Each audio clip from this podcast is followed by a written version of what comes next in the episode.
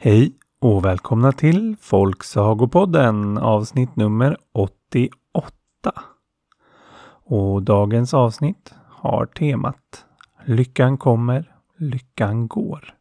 Ja, för vi vill väl alla nå den där lyckan. Bli framgångsrika eller glada eller ha det så bra som möjligt. Eller? Men hur man ska komma åt den?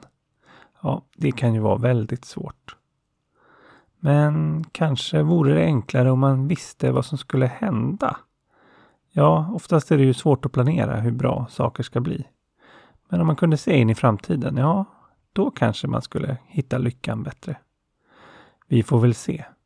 För precis den chansen får gubben i den första sagan för dagen. Här kommer Fiskaren, Havsgubben och Framtiden.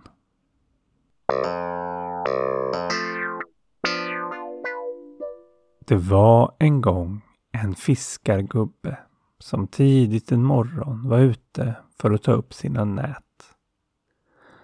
Han beklagade sig lite för just den här morgonen var det inte så mycket fisk i nätet som det brukade vara. Inte för att det egentligen gjorde något. Han brukade få mycket fisk och hade det ganska bra ställt. Men det var ju alltid tråkigt när inte fångsten var så stor. Men när han skulle dra upp sista nätet förstod han att det måste varit en ordentlig fångst i just det. För det var väldigt tungt och han fick kämpa länge och väl för att få upp nätet. Och när han till slut fick upp det förstod han varför. Ja, för det var inte så mycket fisk i nätet. Men han hade fått något annat. En konstig liten gubbe. Ja, i alla fall på överkroppen såg det alldeles ut som en liten farbror. Men underkroppen, det var en lång fena, som på en säl. Och han förstod att han hade fått upp en av havsfolket. En liten havsgubbe, helt enkelt.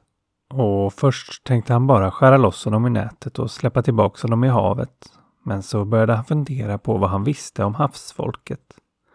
Ja, han hade till exempel hört att de, de kunde se in i framtiden och visste mycket mer än vad vanliga människor visste. Och sån kunskap vore ju riktigt bra att ha, tänkte fiskaren.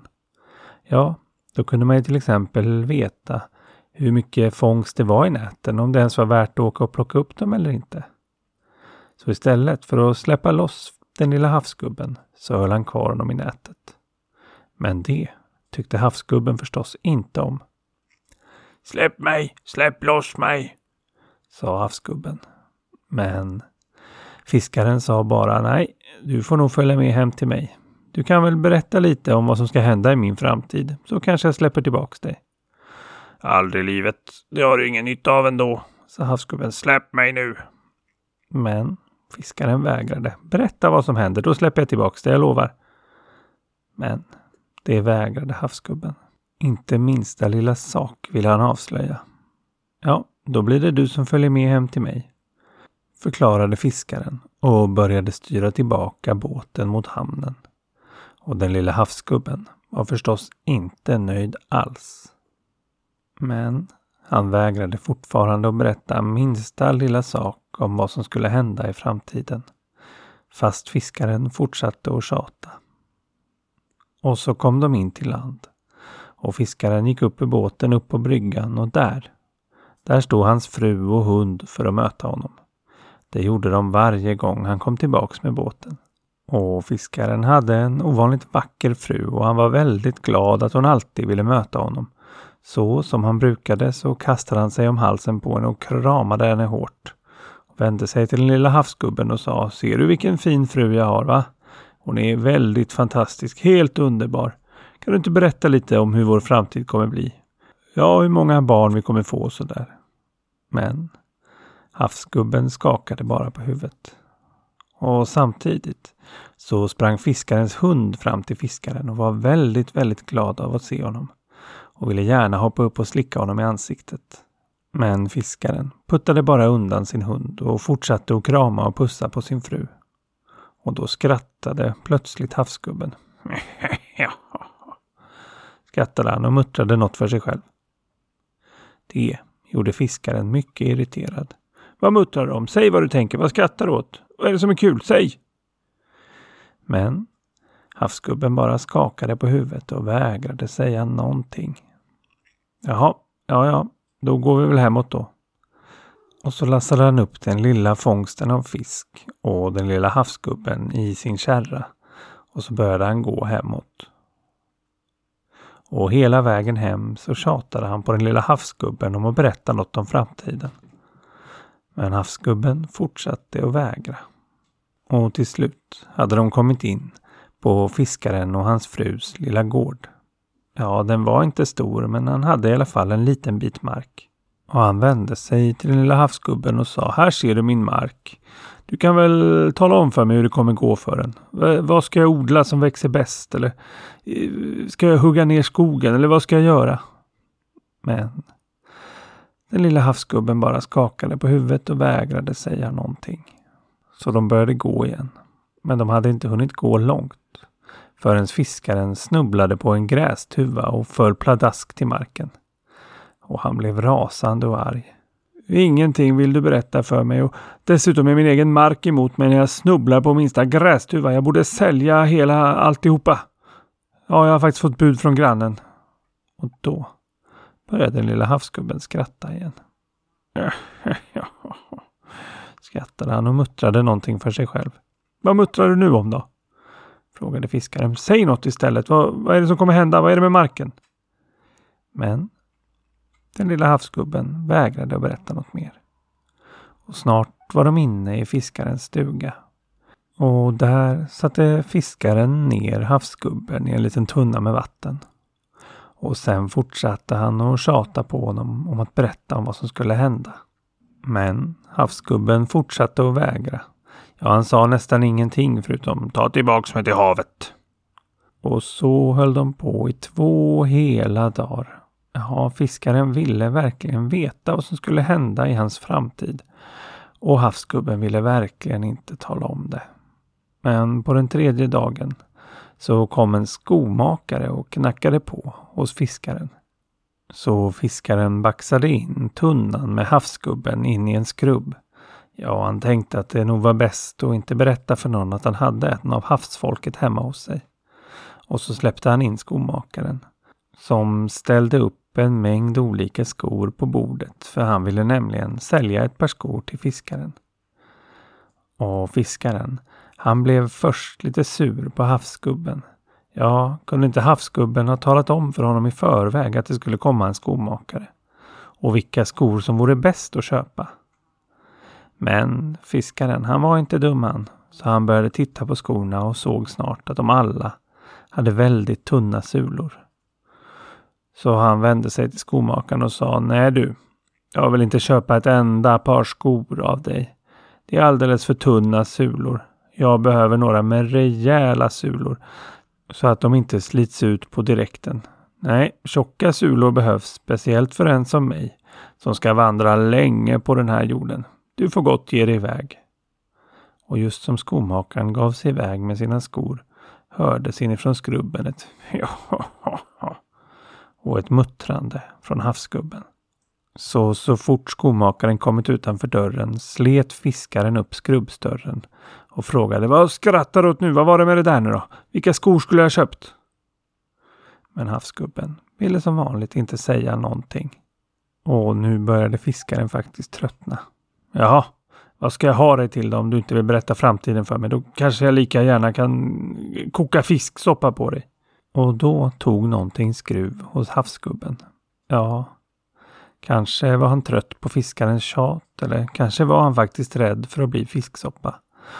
Men han sa i alla fall Okej okay då, jag berättar framtiden för dig men jag säger dig en sak redan innan. Du vill inte höra den. Men fiskaren sa att jo men det vill jag visst berätta nu då. Ja, jag gör det bara på ett villkor. Sa havsgubben. Att du direkt när jag har gjort det släpper tillbaks mig i havet. Ja, ja, ja, det lovar jag. Sa fiskaren som faktiskt var ganska trött på att ha den där havsgubben hemma ändå.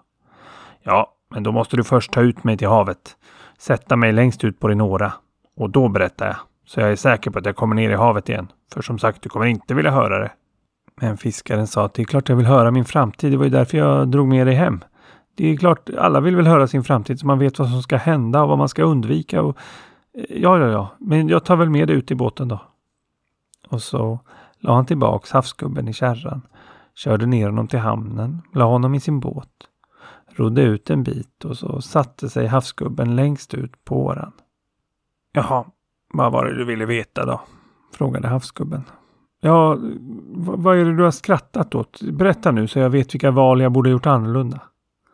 Sa fiskargubben. Ja, okej okay då, men skyll dig själv, sa havsgubben. Första gången jag skrattade, det var när du puttade bort din hund och kramade och pussade din fru. Ja, du kanske älskar henne, men hon älskar inte dig ska du veta. Hon tittar efter andra män och väntar bara på att du ska dö. Det är ju därför hon kommer och möter dig varje dag, för hon står där i hamnen och hoppas på att din båt ska ha sjunkit.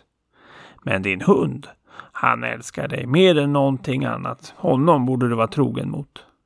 Sa havsgubben och fiskaren han blev förstås ganska ställd. Det där var inte riktigt vad han hade väntat sig att höra.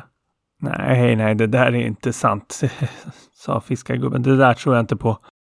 Ja, ja, tro vad du vill, sa havsgubben. Men det är tydligt i din framtid. Vid minsta motgång kommer hon lämna dig. Ja, andra gången jag skrattade, det var när du snubblade på den där tuvan. Ja, ja, det förstår jag väl själv varför du skrattade. Det var väl för att det såg roligt ut, sa fiskaren. Nej, det var för att just under den tuvan ligger en skatt. Och det vore ju hemskt roligt om du sålde den där markbiten bara för att du blev så sur. Och nu blev ju fiskaren lite gladare. En skatt, ja, så ja då, då ska jag inte sälja den markbiten. Nej, men det var ju bra. Ja, varför skrattade du sista gången då? Ja, det var nästan det roligaste, sa havsgubben. Ja, när du började skälla på den där skomakaren om att du behövde tjocka sulor på skorna för att du skulle gå så mycket och länge i ditt liv. När du bara har någon vecka kvar som du ska gå runt. Ja, det var det då. Adjö på dig. Och så dök havsgubben ner i vattnet och försvann. Och fiskaren, han visste inte riktigt vad han skulle tänka. Men han rodde i alla fall tillbaks till hamnen igen. Och där, där stod hans fru och hund och väntade på honom återigen. Och han kramade och pussade sin fru som vanligt. Men frågade också varför hon stod där och väntade varje gång. Ja, för att jag älskar dig och saknar dig förstås, sa hans fru och då blev han genast lugnad. Den där havsgubben hade inte vetat vad han pratade om, tänkte han. Men för säkerhets skull puttade han inte undan sin hund utan klappade den ordentligt och lät den slicka honom i ansiktet. Och så begav de sig hemåt. Och just som de kom in på sina ägor så fick fiskaren syn på den där grästuvan han hade snubblat på. Så han sa till sin fru att gå i förväg för han skulle undersöka en sak. Ja, han var ju tvungen att titta om det fanns någon sanning i det där som havsgubben hade sagt, även om han verkade ha fel om hans fru. Ja, det måste han ju ha. Så hans fru gick hem och fiskaren tog fram en liten spade som han hade på sin kärra och började gräva.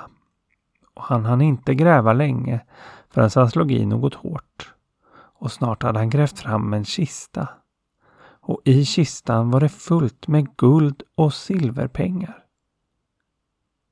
Havsgubben hade haft rätt. Det var en skatt under tuvan och om han hade rätt om det, ja då måste han ju ha haft rätt om allt det andra också. Hans fru älskade honom inte och ville att han skulle dö och han själv skulle snart dö också. Ja, det måste ju vara det det betydde att han inte behövde några tjocka skor och inte skulle gå länge till. Ja, det var en kort lycka för den stackars fiskaren som lassade upp kistan på sin kärra och gick hem till stugan. Vad var det du kollade upp? frågade hans fru när han kom in. Ja, ingenting, sa fiskaren som nu inte längre litade på sin fru. Vad du ser orolig ut, sa hon.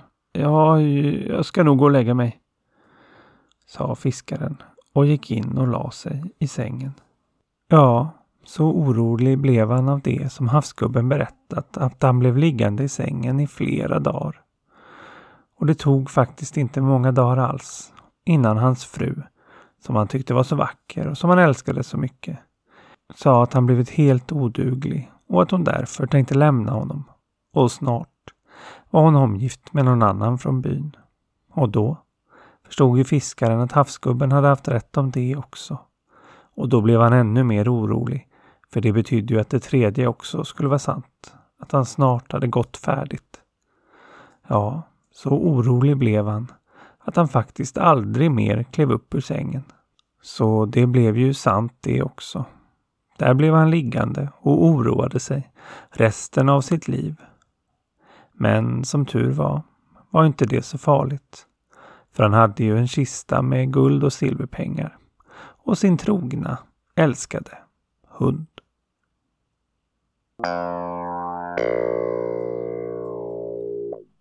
Ja, där ser man. Att veta vad som kommer hända, det kanske inte var någon bra väg för att nå lycka. Men hur ska man göra då? Eller spelar det ingen roll vad man gör? Ja, det kanske är helt menlöst alltihopa. Så verkar i alla fall mannen i nästa saga känna. Ja, att allt är så menlöst att man lika gärna kan ge upp. Men den som ger upp får väl ändå ingen lycka? Eller? Ja, vi får väl se.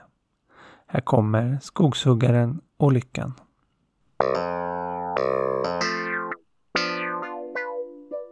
Det var en gång en fattig skogshuggare som inte hade mycket mer än sin yxa och sina två åsnor som han använde när han jobbade i skogen. Ja, en fru och ett litet barn hade han också.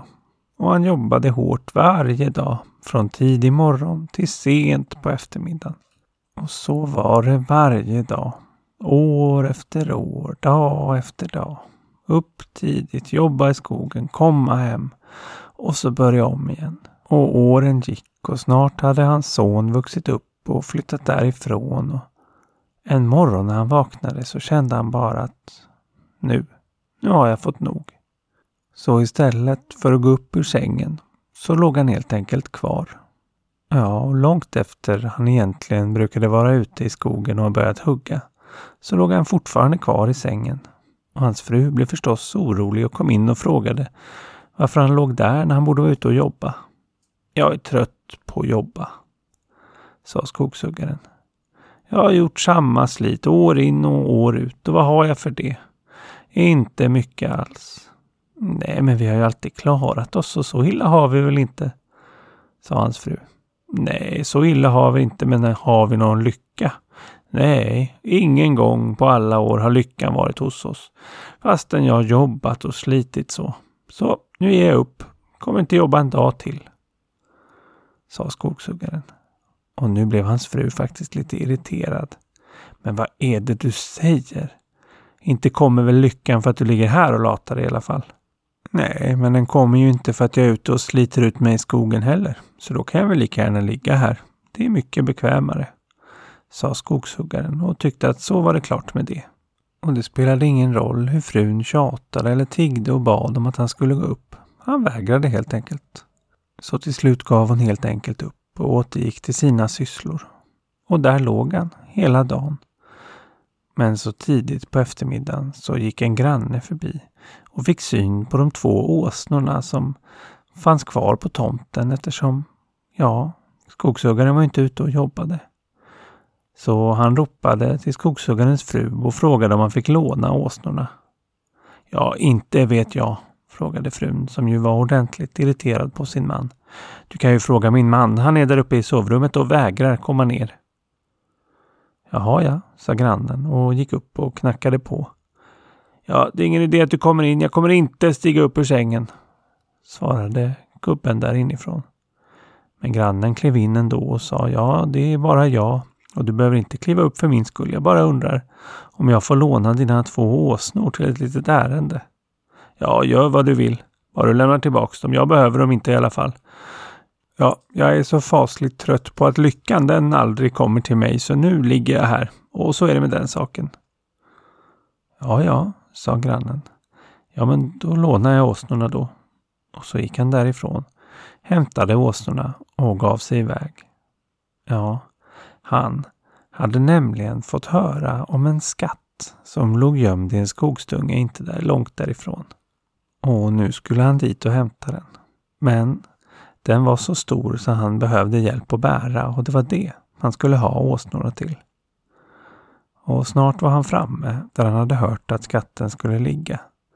Och där var den verkligen, gömd bakom lite löv och grenar. Och han började genast lasta på åsnorna. Men det var en riktigt stor skatt. Så till slut var åsnorna så tungt packade att de nästan inte kunde gå.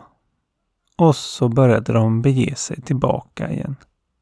Men på vägen tillbaka så fick grannen syn på två soldater på långt håll. Och då blev han genast nervös. Ja, för han visste ju inte var den där skatten kom ifrån. Det skulle ju kunna vara sultanens skatt och han skulle kunna vilja ha tillbaks den eller han skulle kunna vilja ha en massa skatt för den där skatten och det, det ville grannen minsann inte betala och tänk om det var sultanens skatt eller om den var tjuvad från någon annan och han skulle bli gripen, ja. Grannen han jagade upp sig ordentligt så mycket att han till slut flydde rakt ut i skogen. Och då? Ja, då var ju åsnorna ensamma och visste inte riktigt vart de skulle ta vägen. Så då började de gå mot det ställe de kände till bäst. Ja, sitt eget hem alltså. Och så kom det sig att skogshuggarens fru från köksfönstret fick se deras två åsnor komma gående, tungt, tungt lastade. Så hon ropade upp till sin gubbe och sa Nu får du komma ner och hjälpa mig. Våra åsnor har blivit överlastade. Kom och hjälp mig att ta av deras säckar innan de bryter ryggarna båda två. Men gubben han ropade bara envist tillbaka. Nej, jag rör mig inte ur fläcken. Jag ligger här tills lyckan kommer till mig.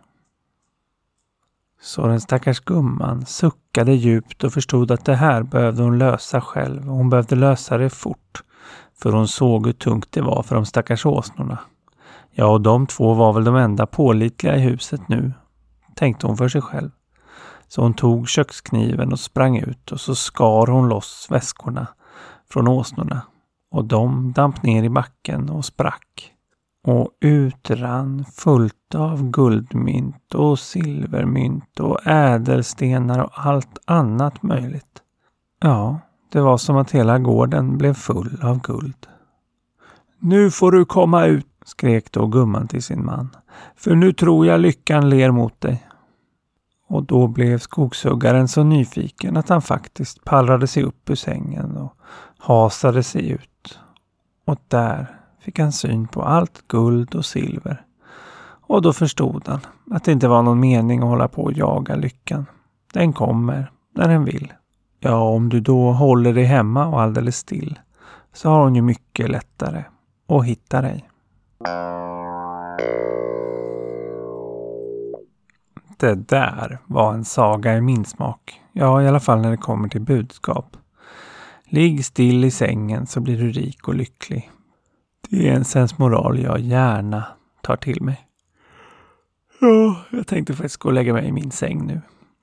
Det hade ju förresten kunnat vara en annan titel på dagens avsnitt. Sängvägen till lyckan.